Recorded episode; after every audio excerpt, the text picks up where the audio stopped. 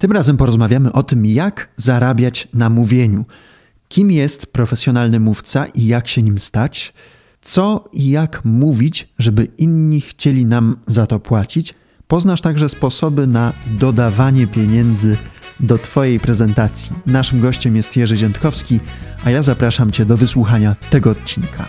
Witaj w Sztuce Gadania, czyli audycji o dogadywaniu się z innymi w różnych sytuacjach, a także o publicznych wystąpieniach. Zapraszam najlepszych ekspertów, a także dzielę się swoimi przemyśleniami na temat komunikacji. Nazywam się Krzysztof Jakubowski i zaczynamy! Jerzy Ziętkowski to mówca, trener, mentor. Przygotowuje innych do prezentacji i przemówień. A dzisiaj porozmawiamy o tym, jak zarabiać na mówieniu. Nie zabraknie też tematu około koronawirusowego. Zapytałem Jerzego, jak w dzisiejszych czasach, czasach pandemii, radzi sobie mówca profesjonalny i czy przyszłość widzi w tak zwanym online. W tym odcinku porozmawiamy przede wszystkim o tym, jak zarabiać na mówieniu, na wystąpieniach, jak się stać profesjonalnym mówcą. Poznasz sporo konkretnych wskazówek. Zachęcam Cię już tradycyjnie do dołączenia do facebookowej grupy podcast Sztuka Gadania, po to, żebyśmy się lepiej poznali, a także po to, żebyś więcej wiedział na temat naszych gości, na temat audycji, na temat społeczności Sztuki Gadania i na temat kolejnych odcinków. Zachęcam Cię także do wsparcia audycji w serwisie Patronite.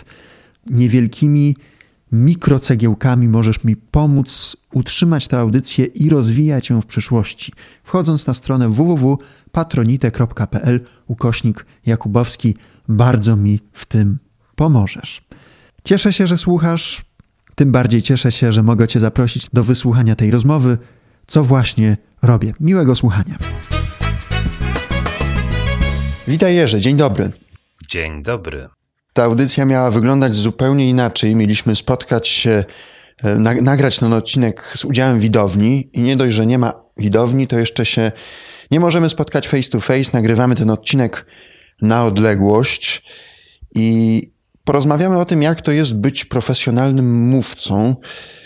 I właśnie moje pierwsze pytanie będzie wiązało się z tą dosyć specyficzną sytuacją. Jak ty sobie radzisz jako profesjonalny mówca w tym, w tym specyficznym czasie i czy uważasz, że przyszłość jest w tak zwanym online, czy masz nadzieję, że wszystko wróci do, do normy, tak zwanej normy, bo nie wiemy, jaka ta norma będzie po pandemii. Zanim odpowiem na pytanie, to może wyjaśnijmy naszej publiczności, naszym słuchaczom, co to znaczy, że jestem profesjonalnym mówcą. To znaczy, że większość moich zadań to zadania, w których stoję na scenie i mówię do ludzi. Czy to na konferencjach, czy to na wydarzeniach firmowych, zajmuję się tym, żeby ludzi zainspirować, żeby coś powyjaśniać, żeby sprawić, że bardziej im się będzie chciało. Nie jestem mówcą motywacyjnym, e, staram się być mówcą inspiracyjnym, natomiast w większości wypadków pracuję na dużych salach konferencyjnych. I e, odpowiadając na Twoje pierwsze pytanie, czyli co u mnie w tym specyficznym czasie, no dziękuję. Do czerwca, a jest e, w tej chwili 2 marca, do czerwca mam zero zleceń związanych z przemawianiem, z występowaniem, poodwoływane wszystkie konferencje, e, również ponieważ zajmuję się mentoringiem i przygotowywaniem innych do wystąpienia. I im też odwołano wszystkie spotkania firmowe i prywatne i konferencyjne ta działka też się pozamykała, więc y, zasadniczo jest bardzo mocno ciekawie. I y, oczywiście, że tak jak cała branża trenerska i cała branża inspiracyjna przeniosły się do online, e, taki ja przeniosłem się do online. Znaczy, oczywiście, że każdy z nas y, mówi w tym momencie, no tak, ja już od tam 10 lat, od 20 lat, od 40 lat jestem online i właściwie, właściwie tylko kontynuuję tutaj swoje zadania. Dla mnie ten czas oznacza więcej miejsca, przestrzeni na to, żeby ponagrywać różne rzeczy, które od dawna gdzieś tam czekały w kolejce. Jakieś kursy, jakieś podcasty, jakieś webinary, tego typu rzeczy pojawiają się na mojej tapecie znacznie częściej. E, I czy ja widzę przyszłość online? E, nie, w sensie tak i nie. E, jakiś czas temu jeden z moich znajomych, bardzo dobry mówca tutaj w Polsce, zaczął testować VR, rzeczywistość wirtualną, która, której używał do tego, żeby szkolić ludzi z przemawiania. Zbudował tam wirtualną widownię, i mówca zakładał takie wirtualne okulary, e, wchodził do sali z wirtualną widownią i przemawiał do nich. I to może być jakaś przyszłość, jeżeli technologia na to pozwoli. Natomiast na dzień dzisiejszy i przez jeszcze kilka pokoleń z pewnością ten kontakt osobisty będzie niezwykle ważny. Mhm. To może zakończmy już temat y, taki tego specyficznego czasu koronawirusowy. Mam tylko nadzieję, że dla słuchaczy, którzy będą słuchać tego odcinka z jakimś opóźnieniem, ten temat już będzie nieaktualny i pozostanie tylko niemiłym wspomnieniem. Mm, powiedziałeś, na czym polega bycie profesjonalnym mówcą, ale zanim stałeś się profesjonalnym mówcą, przypuszczam, że byłeś mówcą amatorskim. Jak to się stało, że w ogóle zacząłeś mówić, przemawiać, występować? Skąd to się u ciebie wzięło? I czym się zajmowałeś wcześniej zawodowo? Zawodowo jestem informatykiem.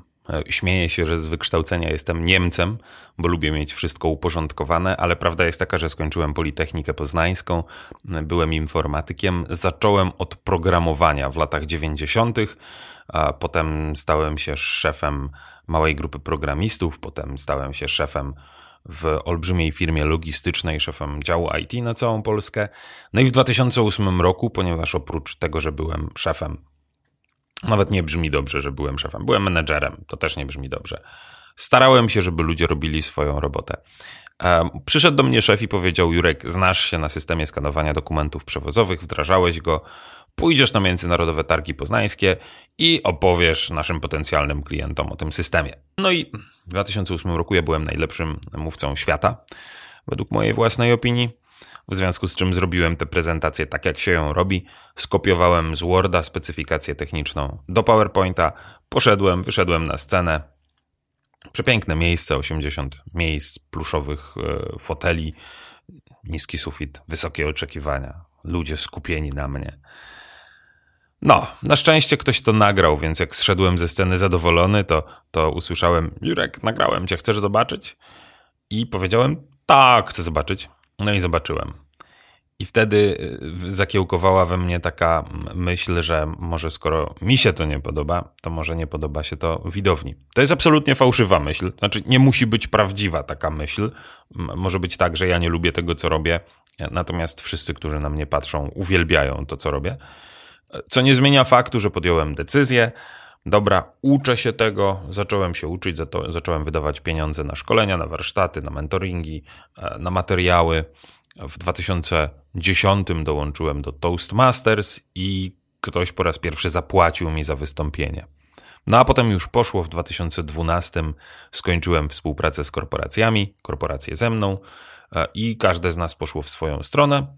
Przy czym ja zacząłem robić to, co robię do dzisiaj, czyli przemawiać ze scen. A jak wyglądał ten moment, w którym stałeś się mówcą profesjonalnym, kiedy już wiedziałeś, że, że już nie jesteś amatorem, a zaczynasz być profesjonalistą? Pamiętasz ten, ten moment? Ja mam nadzieję, że ten moment y, jeszcze nadejdzie.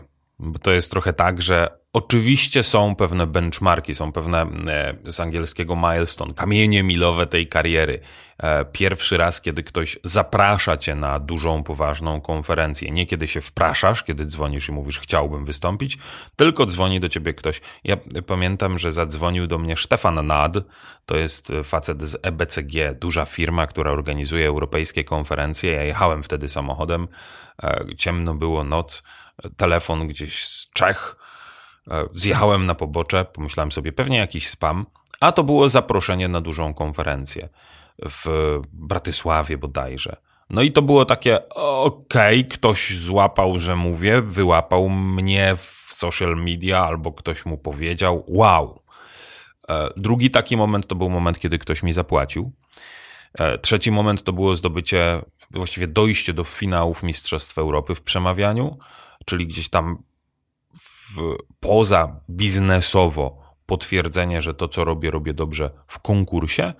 E, potem dołączyłem do Stowarzyszenia Profesjonalnych Mówców. Fantastyczne miejsce dla każdego, kto chce nasycić się atmosferą mówców, którzy robią pewne rzeczy profesjonalnie i uczyć się od siebie wzajemnie. I zaproszenie do tego grona, tam też y, pierwszy kontakt z tymi ludźmi to było jak wejście e, pomiędzy stado lwów. Niesamowite uczucie, niesamowite osobowości i sam fakt, że tam byłem, był dla mnie takim e, potwierdzeniem mojej wartości, połechtaniem mojego ego, e, ale też pomyśleniem sobie, że no okej, okay, to teraz już nie tylko myślę o sobie, że jestem profesjonalnym mówcą, ale też jestem w gronie, w stowarzyszeniu, które ten profesjonalizm ma w nazwie.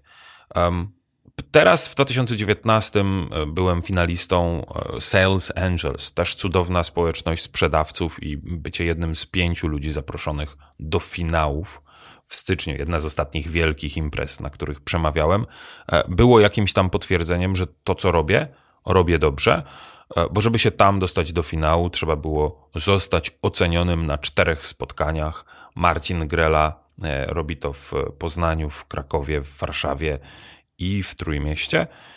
I to było jakimś też potwierdzeniem, że idę w dobrą stronę.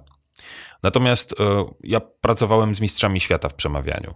To są ludzie, którzy wygrali z 50 tysiącami innych mówców startujących co roku w konkursie, i to już są ludzie na poziomie, do którego ja dążę. Ja to będę wiecznie gonił prawdopodobnie, i ich mogę nazywać profesjonalistami. O sobie tak mówię, natomiast myślę, że e, chciałbym być za każdym razem, chciałbym być lepszy. Mhm. Każdy pewnie ma inną definicję mówcy profesjonalnego. Mnie się wydaje, że to taka osoba, która po prostu na tym już zarabia. Czy to według Ciebie to nie jest wystarczająca definicja? Nie, to nie jest wystarczająca definicja.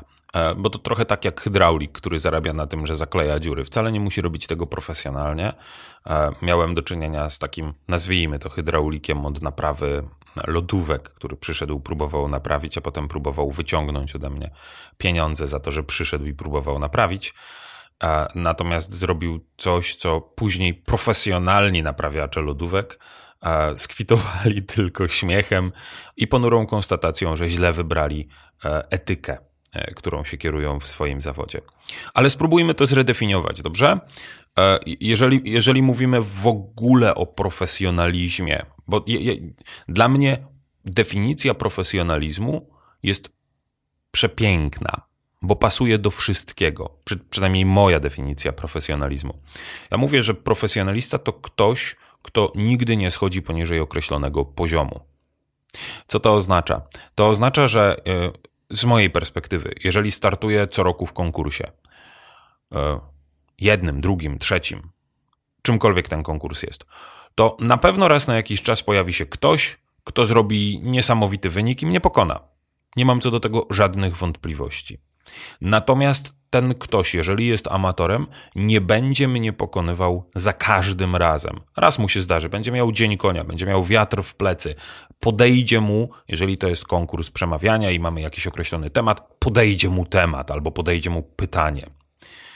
Natomiast ja, jeżeli jestem profesjonalnym mówcą, nigdy nie wypadnę z czołówki, bo nigdy nie schodzę poniżej określonego poziomu. I to jest pierwsza część definicji, a druga część definicji jest taka, że profesjonalista, niezależnie od tego, co robi, zawsze stara się, żeby za każdym kolejnym razem, kiedy coś robi, było to robione troszeczkę, choćby troszeczkę, ale mierzalnie lepiej. I w tym sensie y, nie ma znaczenia, czy ktoś, kto jest profesjonalnym mówcą, to jest ktoś, komu płacą za mówienie. Ale to jest ktoś, kto nie jest um, kometą, meteorem na, na nieboskłonie profesjonalnych mówców. To nie jest ktoś, kto pojawi się raz, zachwyci. To nie jest celebryta, który jest e, mówcą bo coś osiągnął, bo wszedł na jakąś górę. Z całym szacunkiem dla tych ludzi, e, to, to są ludzie, którzy odnieśli sukces poza sceną mówienia, po czym wchodzą na scenę i mówią, ale nie mówią profesjonalnie. Mówią fajnie, mówią ciekawie, nie mówią profesjonalnie. To nie jest to. Profesjonalny mówca to jest ktoś, kto dba o to, żeby za każdym razem, kiedy mówi do ludzi, nie zejść poniżej określonego poziomu i za każdym razem, żeby ten poziom był odrobinkę wyższy. Dużo mówisz o rywalizacji, o byciu w czołówce, o byciu na pierwszym miejscu. Czy w tym środowisku mówców profesjonalnych ta rywalizacja jest tak ważna, to porównywanie się z innymi? Czy ja jestem lepszy, czy gorszy od innych? Znaczy, tutaj są trzy elementy.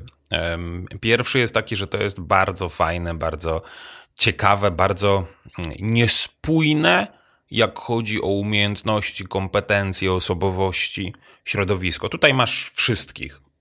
Z każdej ścieżki życia, z każdego zawodu, Mamy menedżerów, mamy informatyków, mamy prawników, mamy e, lekarzy, mamy przedsiębiorców i nie mówię tylko o Stowarzyszeniu Profesjonalnych Mówców, choć głównie mówię o Stowarzyszeniu Profesjonalnych Mówców, bo to w tej chwili chyba największa e, organizacja zrzeszająca mówców e, z tym przymiotnikiem z przodu, ale mówię też o całym środowisku.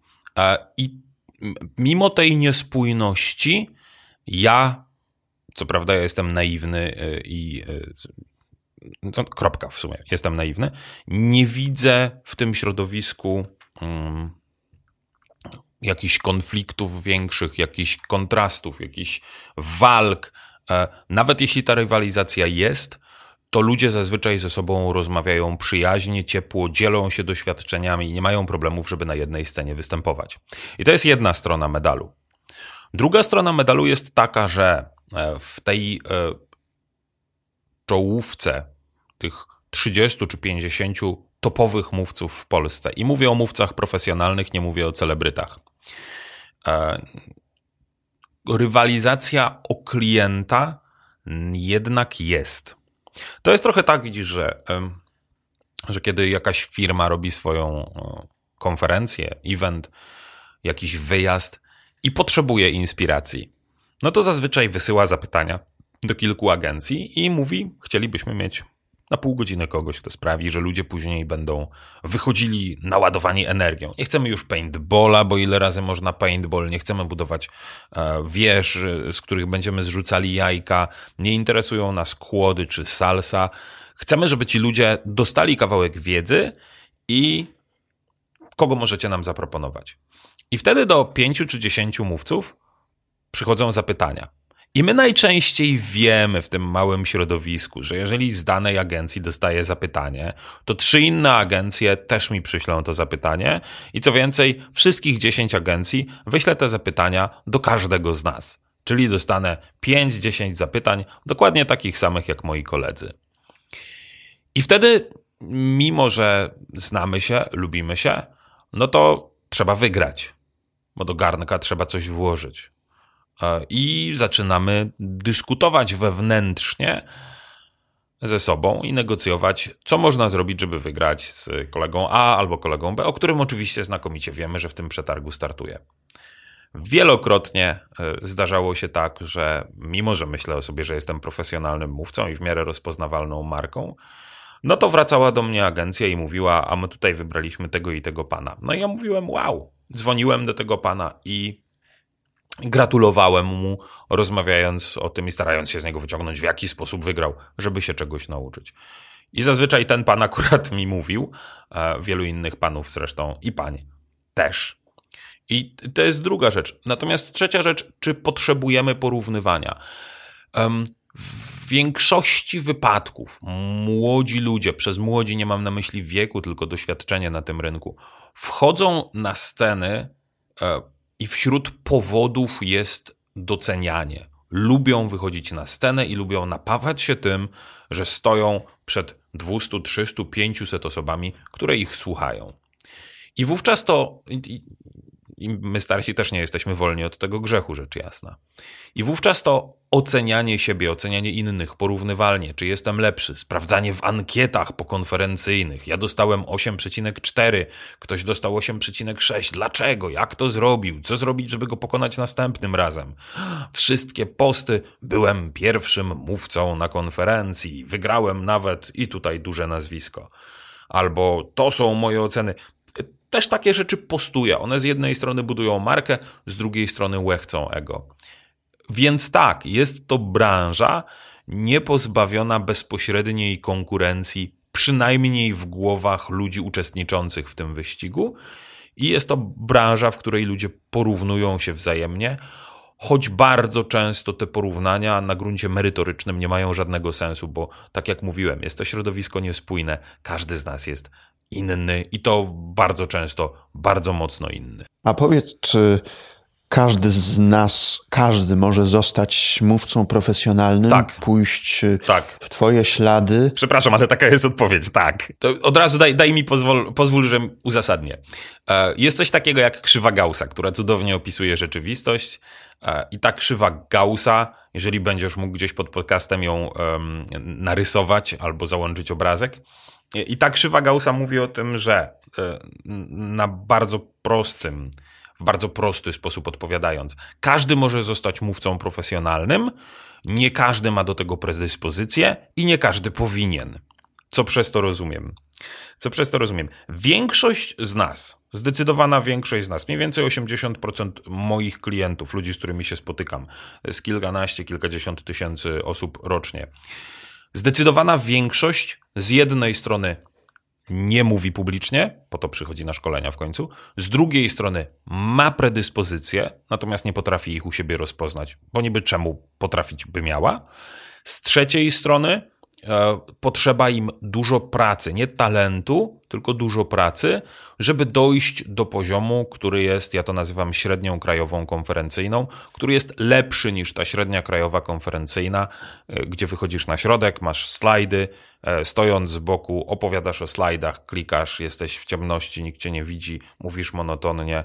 To jest taki, taki standardzik. I wbrew pozorom nie trzeba być ekspresyjnym, um, ekstrawertycznym, krzyczącym na scenie, skaczącym po scenie mówcą, żeby być dobrym mówcą. Ta praca tam jest, oczywiście, że trzeba wyeliminować nawyki, które przeszkadzają, e, trzeba podszlifować nawyki, które pomagają, albo ich nowych nabrać, e, ale to jest dla większości do zrobienia w bardzo prosty sposób. Jest niewielu ludzi, z którymi się spotykam, e, którzy mają ewidentnie predyspozycje, mają już doświadczenie. I to nie, nie takie, że wychodzili na scenę, tylko po prostu dużo rozmawiali z ludźmi, więc to mówienie przychodzi im swobodnie. I tam wystarczy tylko pokręcić kilkoma gałkami od nastawień i ci ludzie wychodzą na scenę i są w naturalny sposób, to nie jest naturalny, nie lubię tego słowa, ale umówmy się, że mogę go tutaj użyć, w naturalny sposób gwiazdami sceny. I jest druga warstwa e, ludzi, czy grupa ludzi, e, która z kolei ma w drugą stronę. Cokolwiek byśmy u nich nie kręcili, jakiekolwiek gałki, jakiekolwiek guziczki byśmy nie naciskali, nie da się z nich zrobić bardzo dobrych mówców. Jak wejdą na scenę, to będą mówili e, na poziomie akceptacji widowni, ale nic wyżej. I, I to właściwie tyle.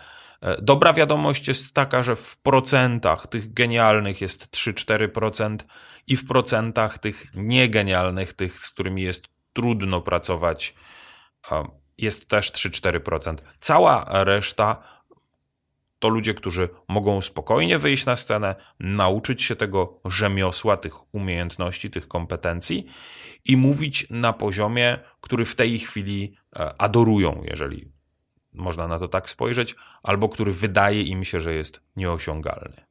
Wspomniałeś, że nie każdy ma do tego predyspozycje. E, jakbyś mógł rozwinąć, czym są te predyspozycje w takim w, razie? U części z nas jest genetycznie, tak sobie tłumaczę to, genetycznie wyłączony strach przed przemawianiem. Ci ludzie mają łatwiej. Niektórzy z nas dysponują inteligencją, którą ja nazywam inteligencją błyskotliwą. To znaczy, że potrafią bardzo szybko sięgać po słowa, bardzo szybko konstruować z tych słów poprawne zdania, gramatycznie i logicznie poprawne, i ci ludzie mają łatwiej. No i niektórzy z nas, oprócz tego, że są błyskotliwi i nie, ma, nie, nie są strachliwi, są jeszcze ładni i przystojni. I tym ludziom jest zdecydowanie łatwiej ze względu na odbiór społeczny i ze względu na to, że przyjemnie się na nich patrzy, ładnie się na nich słucha, bardziej się niesie ich marka, a więc mają więcej okazji do przemawiania, a więc szybciej przetrenują i dotrą do poziomu e, naprawdę wysokich umiejętności i kompetencji. E, I to, to właściwie to. Łatwość i swoboda mówienia, taka inteligencja błyskotliwa, brak strachu, e, wygląd. Ja wiem, że to są bardzo niefajne rzeczy, że jak mówię wygląd, e, to patrzę sobie w tej chwili na własne nagranie w kamerce i myślę sobie, no okej, okay, tutaj mamy ewidentnie podgórkę. Inteligencja e, w tym rozumieniu słowa, tak mam podgórkę. Większość rzeczy, które ja mówię, to są rzeczy, które są sprawdzone, przećwiczone i niejako automatyczne. Czyli część tego wywiadu to są rzeczy, które już kiedyś mówiłem i to wielokrotnie. I to u mnie brzmi tak, jakbym wow, był błyskotliwy i wow, miał gotowe odpowiedzi na Twoje pytania. I taka jest prawda, tylko ja je mam gotowe już od dawna. E, niektóre z nich mam gotowe od dwóch czy trzech lat. I jak zaczynam, jak pada pytanie, to ja zaczynam rozpoznawać fragment. Aha, okay, to było w 2017, kiedy pierwszy raz tego użyłem. Od tego czasu mówiłem to właściwie na większości konferencji. W porządku, wezmę i skorzystam z tego kawałka. Więc teoretycznie przynajmniej te trzy cechy da się jakoś ograć Strach można przepracować, e, inteligencję, tę błyskotliwą, Jezu, muszę znaleźć prawidłową nazwę tego, e, lekkość mówienia. E, da się wypracować, oczywiście nie do 100%, ale da się wypracować. E, z urodą coś tam też można zrobić. Czyli jesteś po prostu dobrze przygotowany do rozmowy. I też e, oglądając dwa Twoje wystąpienia, też miałem wrażenie, że jesteś przygotowany co do minuty, jeśli nawet nie co do sekundy. I czy ty zostawiasz jakąś, jakiś taki margines na spontaniczność, na improwizację, czy, czy to rzeczywiście jest przygotowane wszystko co do zdania, co do słowa? Um, odpowiedź brzmi tak. Dobra. Wszystko teraz, jest przygotowane. To teraz, to teraz ją rozwinę. Z jednej strony ja jestem maniacko przygotowany, dosłownie maniacko przygotowany do wystąpienia na scenie. Przy czym, żebyśmy dobrze rozumieli, maniacko przygotowany nie oznacza, że jestem przygotowany co do sekundy i co do słowa w takim potocznym tego słowa rozumieniu, że mam jakiś skrypt, ten skrypt jest liniowy, czyli jest jedna wersja tego skryptu i jak coś się zdanie, stanie po drodze, e, to ja odpadam. To koniec. Pomyliłem dwa słowa, albo ktoś zaczął mi coś mówić, coś się wydarzyło, ciach, przegrałem. Ja jestem przygotowany, hmm, najłatwiejsze słowo by tutaj było drzewiasto, czyli ten skrypt, którego używam, ma wiele rozgałęzień. I w, w, niektórych z tych rozgałęzień nie mam przygotowanego tekstu, to znaczy, że jest tam margines.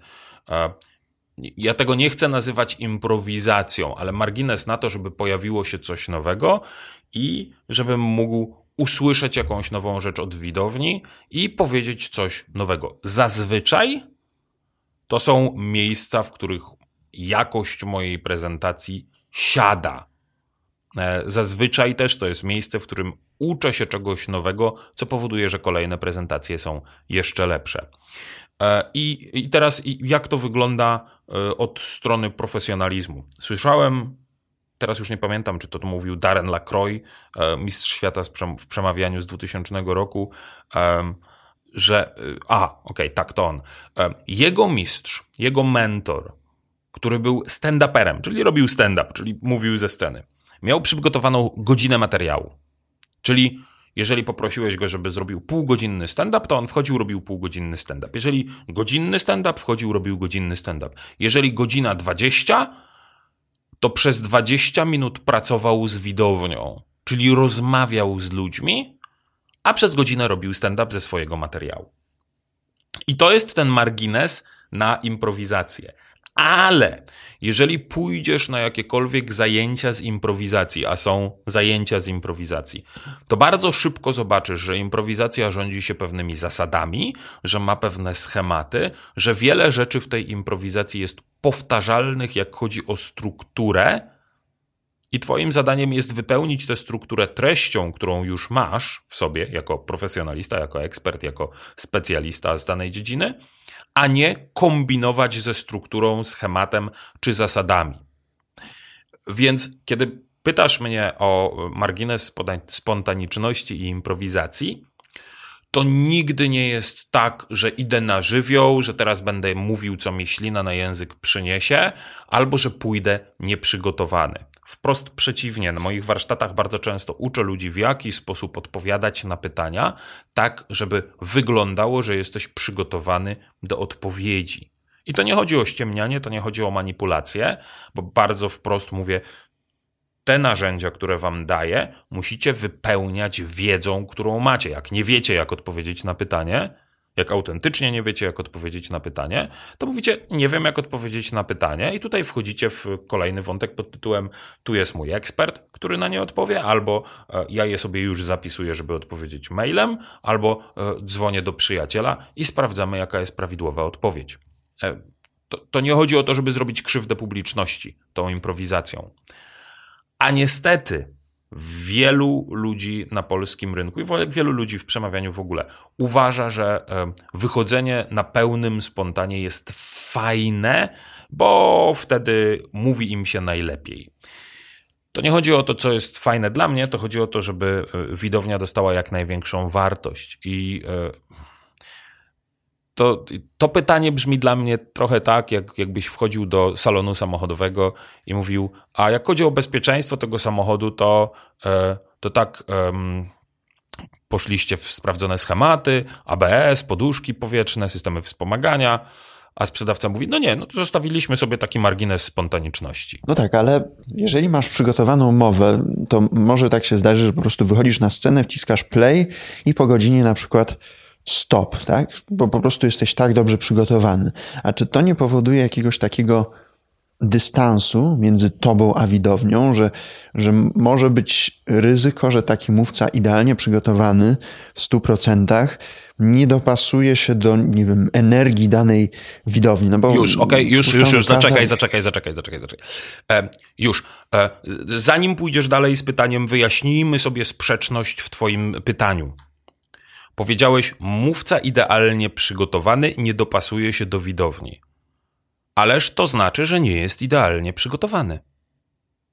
Idealność i perfekcja nie polegają na tym, że ja wyjdę na scenę, wcisnę play i po godzinie wcisnę stop i przez godzinę będę monologował, będę nakładał ręce na widownię i mówił do niej. To nie jest, to nie jest perfekcja, to nie jest idealizm. To jest świetne odtworzenie skryptu, ale dla mnie perfekcja jest od strony widowni. Ja jestem perfekcyjnym mówcą wtedy, kiedy, co się nie zdarza oczywiście e, nikomu, kiedy 100% widowni po mojej prezentacji powie: Wow, to było dokładnie to, czego potrzebowałem, to było idealnie dla mnie, skorzystałem niesamowicie, to zmieniło moje życie. Wtedy jest perfekcja, nie wtedy, kiedy powtórzę słowo w słowo 100% e, tekstu.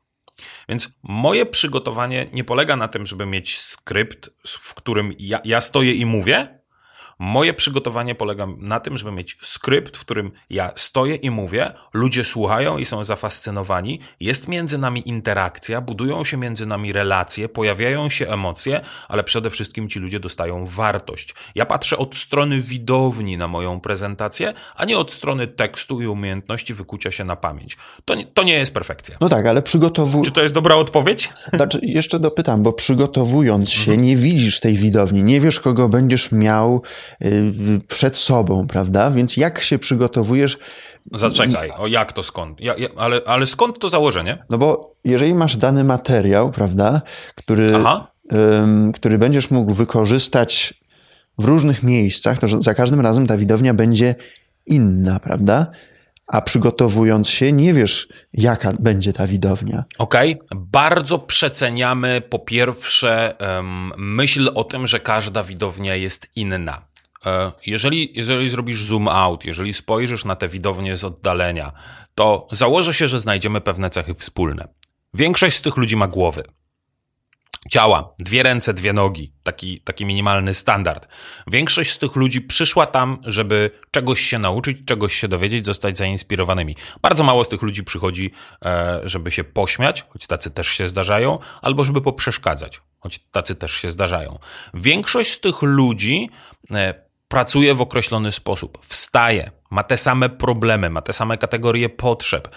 Bardzo wiele rzeczy jest wspólnych dla większości Twoich widowni. Oczywiście, że jeżeli robię prezentację z tego, jak e, e, pisać sniplety w Javie, nie wiem nawet, czy to, co powiedziałem, ma sens, e, i będę mówił do dentystów, to nie trafię. Natomiast jeżeli popatrzysz na tę moją mm, definicję profesjonalizmu, o której mówimy wcześniej, to ten bit, ja tego bitu używam właściwie dla każdej widowni, bo ona mówi o tym samym, o tym, w jaki sposób pracujemy. I tu mam troszeczkę łatwiej niż mówcy branżowi e, czy mówcy brandowi, mówcy, którzy reprezentują firmę albo mówcy, którzy budują swój brand, e, bo nie muszę mówić o rzeczach specyficznych dla danej branży. Aczkolwiek zdarza mi się dość często jechać do bardzo specyficznych grup. Na przykład ostatnio byłem u sprzedawców, nie, nie mogę tego powiedzieć, ale można tam coś wygrać. Więc branża jest mocno specyficzna i też ludzie byli w określonym wieku, z określonym nastawieniem. I teraz ty, ty mi mówisz, nie wiesz, kto jest na widowni. Większość mojej pracy to nie jest przygotowywanie prezentacji, Większość mojej pracy to jest podniesienie telefonu. Jeżeli na sali mam 100 ludzi, to zrobienie telefonu do dostatecznej liczby ludzi, żebym widział statystycznie, do kogo będę mówił, jakie mają potrzeby, jakie mają problemy, jakie mają marzenia, z czym się borykają w codziennej pracy, co wiedzą, czego nie wiedzą, co się wydarzyło w ich branży ostatnio, jakie zmiany ich branża będzie przechodziła w przyszłości, jak wydarzenia w kraju i na świecie wpływają na to, co robią. To, to są wszystko rzeczy, o które ja pytam przed prezentacją. Nie po to, żeby drastycznie zmieniać jej treść, tylko po to, żeby rozumieć, w jaki sposób tę treść ludziom dostarczać, żeby chcieli ją brać i żeby chcieli ze mną rozmawiać. To jest pierwsza rzecz. Natomiast druga rzecz. E, postrzeganie prezentacji wśród Polaków jest następujące. Jeżeli mam zrobić prezentację za trzy tygodnie na konferencji, bo szef kazał, to przygotuję PowerPointa. Może się pouczę, może nie, to nie ma żadnego znaczenia. Pojadę na tę konferencję, zrobię tę prezentację um, i wrócę do roboty. I to jest standardowy sposób pracy z prezentacjami, z wystąpieniami publicznymi. Od czasu do czasu jeszcze pójdę na jakieś dwudniowe szkolenie, żeby myśleć o sobie, że jestem profesjonalistą w przemawianiu albo bo szef kazał. Natomiast z mojej perspektywy proces przygotowania prezentacji wygląda tak, że tworzę tę prezentację w swojej głowie, w PowerPoincie. I nie siedzę w domu, nie ćwiczę jej, czekając, aż nadejdzie ten dzień, kiedy wyjdę do e, widowni i pokażę im, co ja przygotowałem według tego, jak ja myślę, że będzie dobrze. Tylko znajduję ludzi, którzy są podobni do tych, których będę miał na docelowej scenie, albo dostatecznie zróżnicowani, żebym miał statystycznie prawdziwą informację zwrotną. Robię dla nich te prezentacje testowo za darmo. Cudownym miejscem są kluby Toastmasters. Dostaję informację zwrotną i robię to tak długo, aż ta informacja zwrotna będzie rozumiemy wszystko, fajna prezentacja, angażująca, biorę. Chciałbym ją zobaczyć jeszcze raz. I wtedy, kiedy wychodzę przed docelową widownię, jest zupełnie inny poziom tego, jak ja jestem przygotowany. Bo nie to, że mam prezentację wykutą na pamięć, tylko wiem, że robiłem ją już tyle razy dla podobnych widowni, że tutaj będzie bardzo podobnie, jak chodzi o interakcję, jak chodzi o zrozumienie, jak chodzi o rezultaty. I to jest, myślę, ta moja przewaga. Nie to, że ja wykuwam coś na pamięć i że jestem przygotowany co do sekundy, tylko robiłem te prezentacje już tyle razy dla widowni testowych, że wiem, jak to działa. Zaczynam rozumieć Twoją metodę, a powiedz jeszcze, y, czy, czy masz taki komfort, że rzeczywiście tego czasu jest tyle, że, że możesz w ten sposób się przygotowywać? Czy, czy te zlecenia, które otrzymujesz, dają ci taką możliwość? Czy to są jednak czasami zlecenia takie, które zdarzają się na za kilka dni albo na, na jutro? Bo to przypuszczam, że też takie tak, są. Odpowiedź brzmi tak. Odpowiedź brzmi tak, są różnego rodzaju zlecenia. Po kilku latach pracy na tym rynku zrobiłem sobie mm, tak zwane mowy pudełkowe.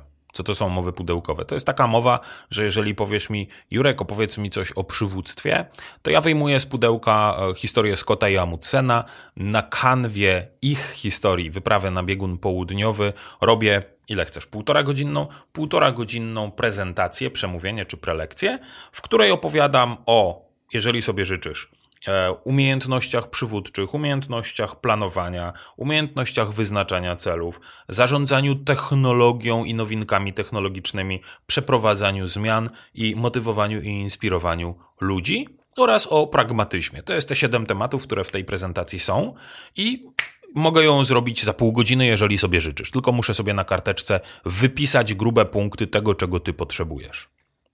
I wtedy, y, wtedy dostajesz mowę pudełkową, i wtedy nie negocjujemy tego, co jest w środku. Ja po prostu wychodzę, ty mi ufasz, że zrobię tę mowę dobrze i że twoi ludzie będą zainspirowani. Są też klienci, którzy mówią, e, panie Jurku, my potrzebujemy, żeby pan z nami usiadł i zrobił trzy spotkania i przedyskutował, pokazał nam mowę. Wiemy, że to będzie kosztowało znacząco więcej, ale chcemy, żeby ta mowa była tylko dla nas i dostosowana do nas. I to będzie na pojutrze. I wtedy ja mówię, nie, na pojutrze nie zrobię takiej mowy, niezależnie od y, ilości e, monet w wiaderku, które mi wysypiecie.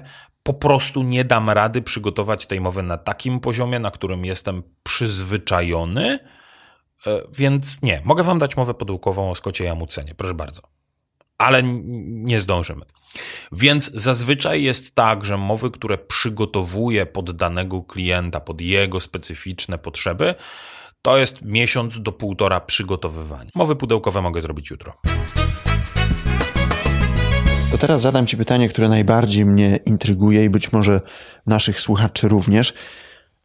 Co mówisz, albo w jaki sposób, że inni chcą Ci za to płacić? Okej. Okay. E, co mówię? O, to jest bardzo dobre pytanie i chyba jeszcze nie odpowiadałem na, na pytanie, co mówię, bo mówię rzeczy w miarę oczywiste, mówię rzeczy w miarę przepracowane, mówię rzeczy, które e, opierają się na trzech filarach: logika, logos, pathos, ethos, logika, emocje i wiarygodność. Czyli niezależnie od tematu, dbam o to, żeby to, co mówię, było logiczne to jest bardzo proste do zrobienia. Wystarczy powiedzieć to komuś e, kilka razy, albo kilku komusiumś, komusiumsiumś, kilku komusiuś, Jezus, e, wielu ludziom. E, I powiedzieć, słuchaj, proszę znajdź wszystkie luki logiczne w tym, co mówię, po czym jak oni znajdą te luki, to te luki wyprostować i mieć dobre przemówienie, w którym jest logika. Dlaczego to jest ważne? Brałem udział w dużej konferencji, która była filmowana przez bardzo dużą sieć, która chciała e, później te nagrania udostępnić i mm, zrobić z tego jakiś tam cykl o ludziach pełnych pasji i mówiących ze sceny. I po tych nagraniach Pół roku później okazało się, że musieli wyciąć wszystkie rzeczy, które tam, jak byłeś na scenie i siedziałeś albo siedziałeś na widowni, to brzmiały świetnie w momencie, w, kiedy ludzie są pełni emocji, kiedy ludzie słuchają, są skupieni, nastawieni.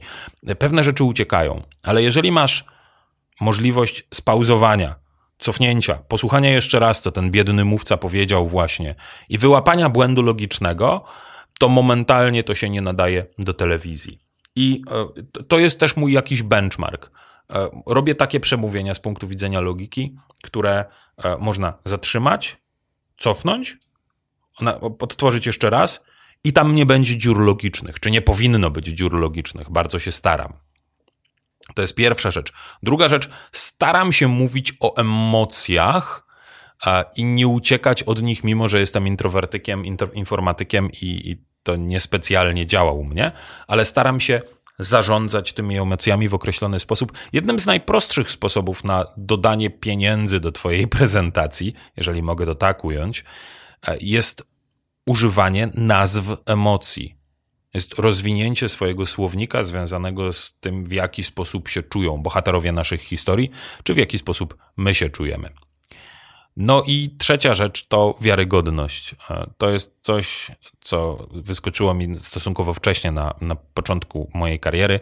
Opowiadałem o tym, jak to pierwszy raz wyszedłem na scenę na międzynarodowych targach poznańskich i 10 minut po tym, jak to powiedziałem, w trakcie mojej prezentacji wstał facet, powiedział: Panie Jurku, e, panie Ziętkowski, a ja tu sprawdzam w Google'ach i nie ma nigdzie wpisane, że pan występował na MTP.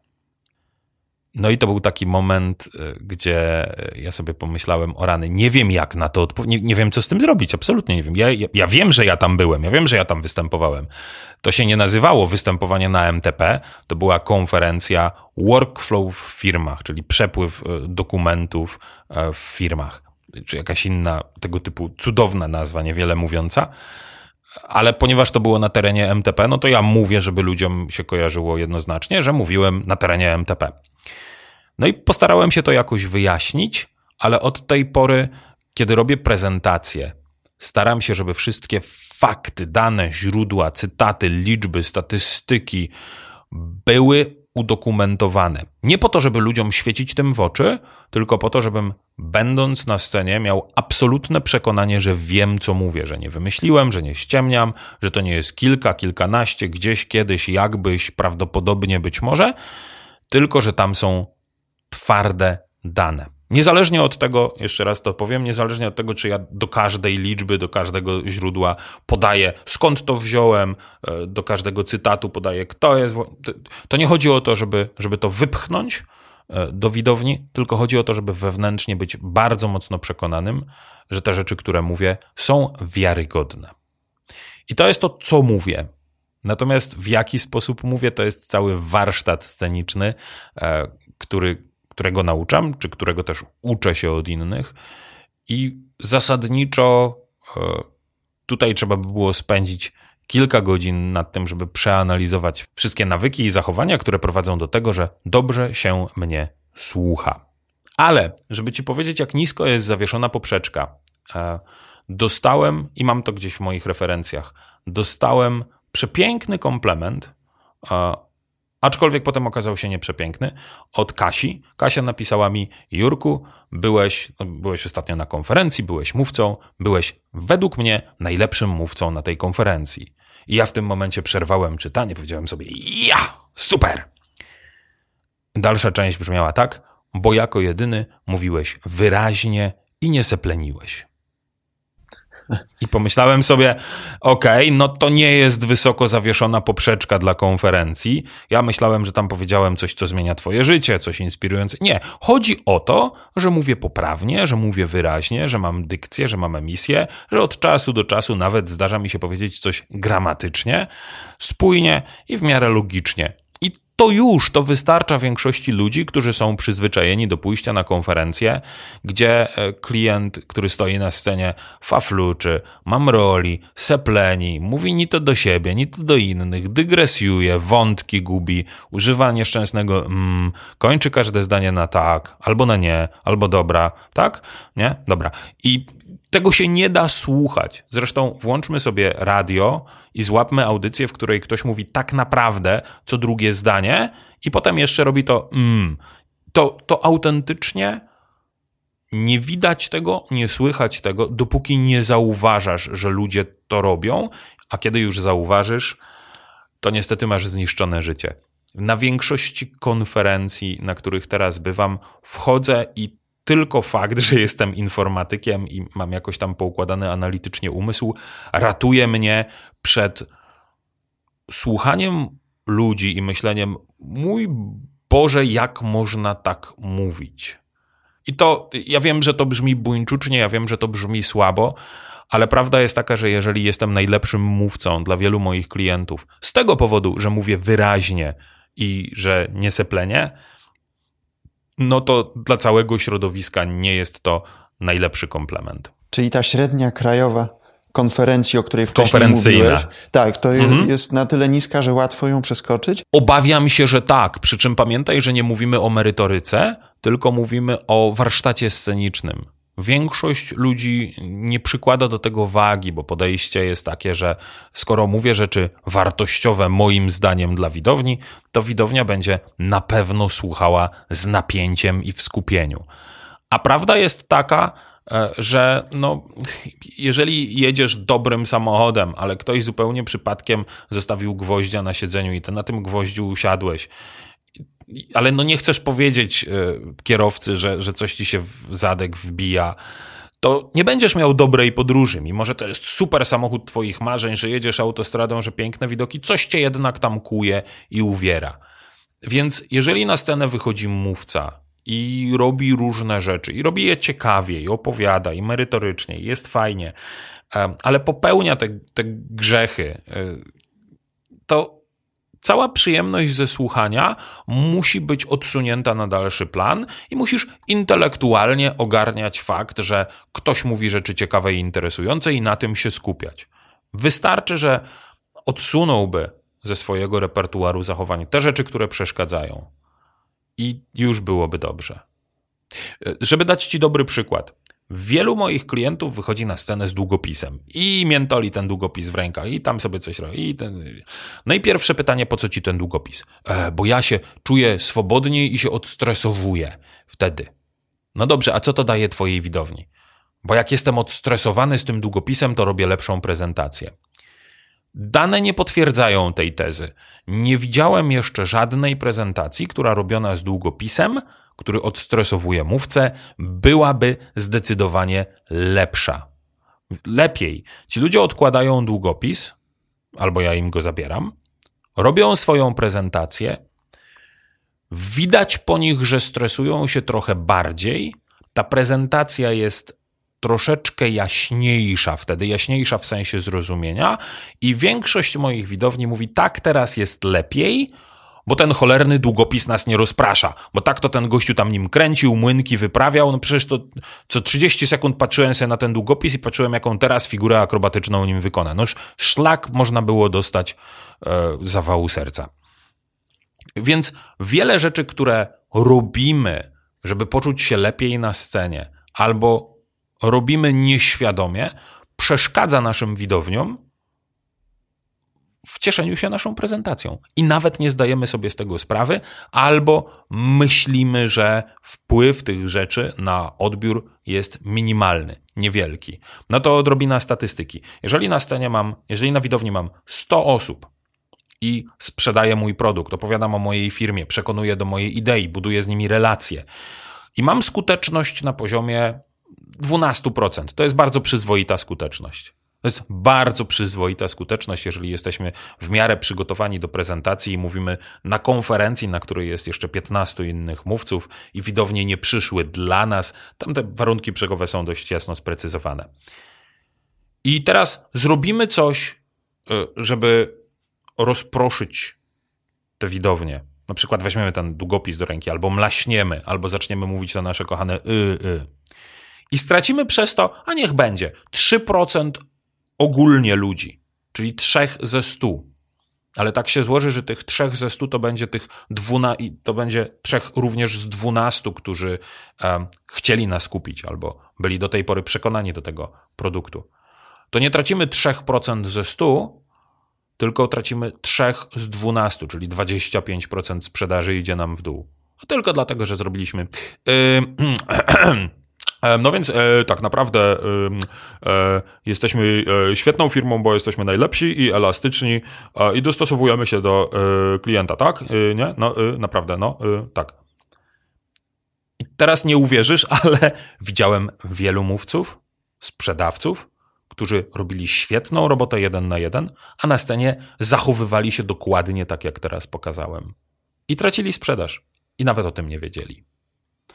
Więc wydaje mi się, że reasumując, e, staram się, niezależnie od tego, o czym mówię, mówić rzeczy logiczne, z emocjami i wiarygodne. Plus staram się używać warsztatu, który powoduje, że ludziom łatwo jest słuchać tego, co mówię. No więc pomagam im słuchać tego, co mówię, zamiast przeszkadzać. I to chyba tyle.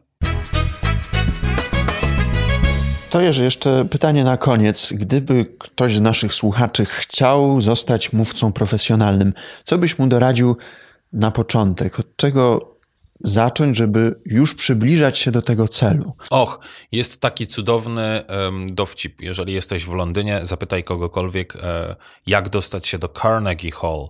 To jest takie miejsce, w którym są koncerty. E, I dowcip polega na tym, że e, oryginalny żart, idzie skrzypek, biegnie skrzypek, widać, że, że spóźniony, niesie te swoje skrzypce w futerale, zaczepia jakiegoś starszego pana, mówi, przepraszam, jak się dostać do Carnegie Hall, e, na co starszy pan patrzy na niego, uśmiecha się i mówi, ćwiczyć, ćwiczyć, ćwiczyć.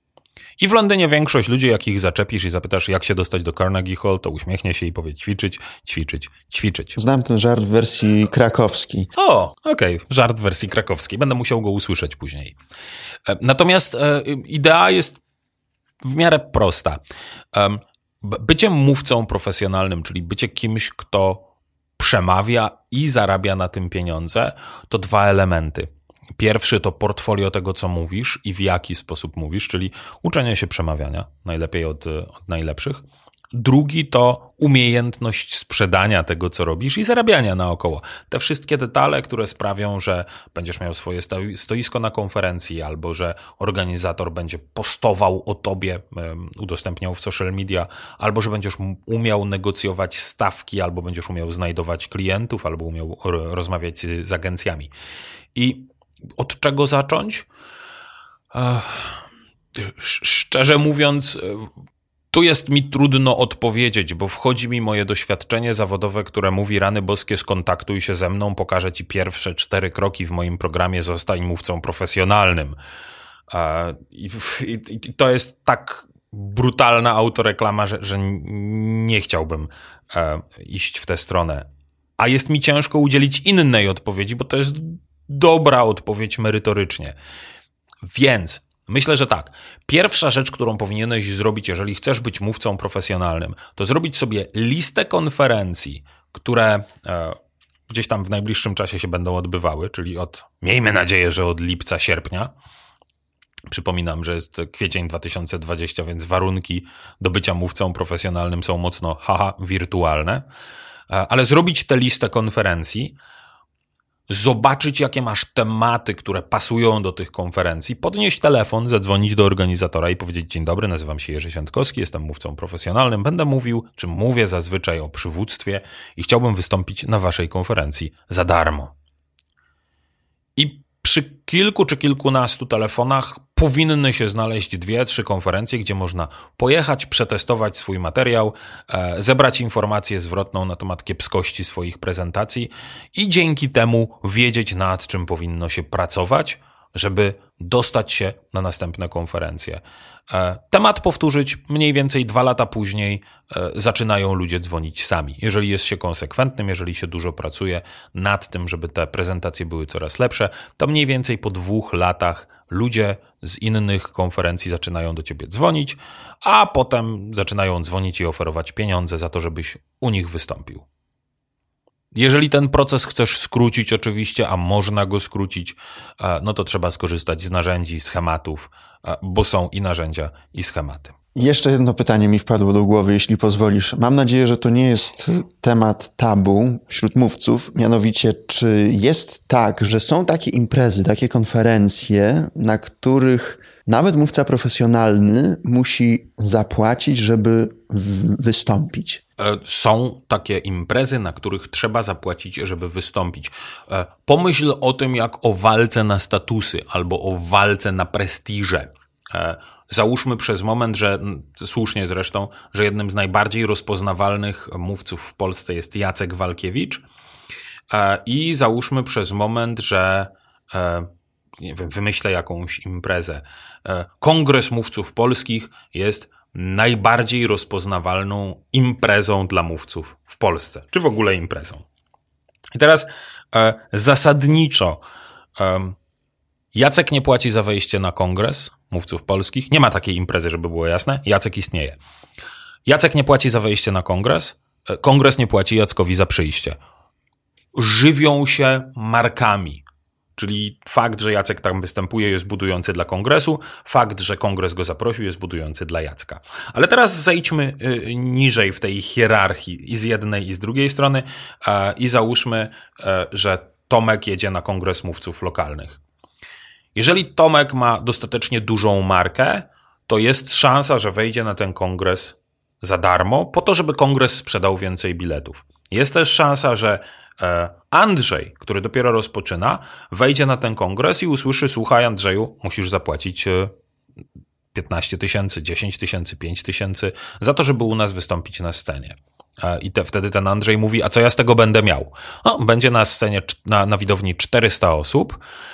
Jeżeli złapiesz kontakty do 10 czy 15 z nich i sprzedasz 5 swoich szkoleń po 3000 na przykład, no to już ci się zwróci. A potem może do sprzedaż innymi będziesz miał. Traktują się wzajemnie e, z jednej strony te kongresy, wydarzenia, konferencje, z drugiej strony mówcy, jako e, tu budowanie marki. Dla kongresu tacy mówcy są budowaniem marki, a z kolei dla mówców takie kongresy, takie wydarzenia, takie konferencje są miejscem do zdobywania nowych kontaktów, do budowania list klientów i do potencjalnej sprzedaży.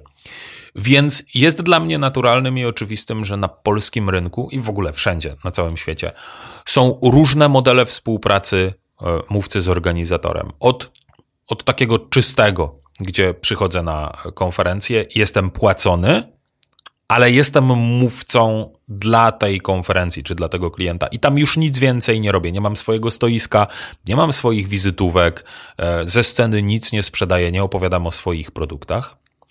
Z drugiej strony e, jest model brudny, kiedy ktoś na konferencji mówi mi: Słuchaj, Jurek, zapraszam cię na konferencję, będziesz mówił, e, ale nie mam dla ciebie żadnych pieniędzy. I wtedy ja mam całą listę rzeczy, które chcę w zamian no i z trzeciej strony e, jest e, konferencja, która mówi: Jurek, żeby przyjść do mnie, musisz zapłacić mi 15 tysięcy, żeby u mnie wystąpić. I wtedy ja mówię: Dobrze, powiedz mi tylko, co ja z tego będę miał, co mogę wygrać, co potrafisz mi za te 15 tysięcy zaoferować. Te 15 tysięcy jest przykładowe, ono bardzo, ono bardzo często na przykład polega na tym, że mówca, który chce wejść na scenę danej konferencji, e, musi sprzedać określoną liczbę biletów to nie musi być gotówka.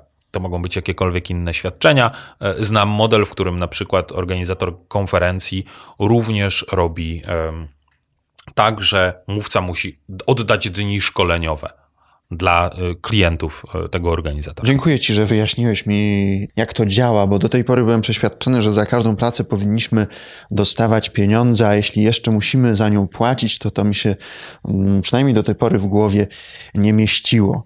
Dziękuję Ci za tę rozmowę, chociaż się nie widzieliśmy, to słyszeliśmy. Już mam przynajmniej jeden temat, y, który chciałbym jeszcze kiedyś z Tobą w tym podcaście w Sztuce Gadania podjąć. Mam nadzieję, że Cię na to namówię. Tymczasem bardzo Ci dziękuję i.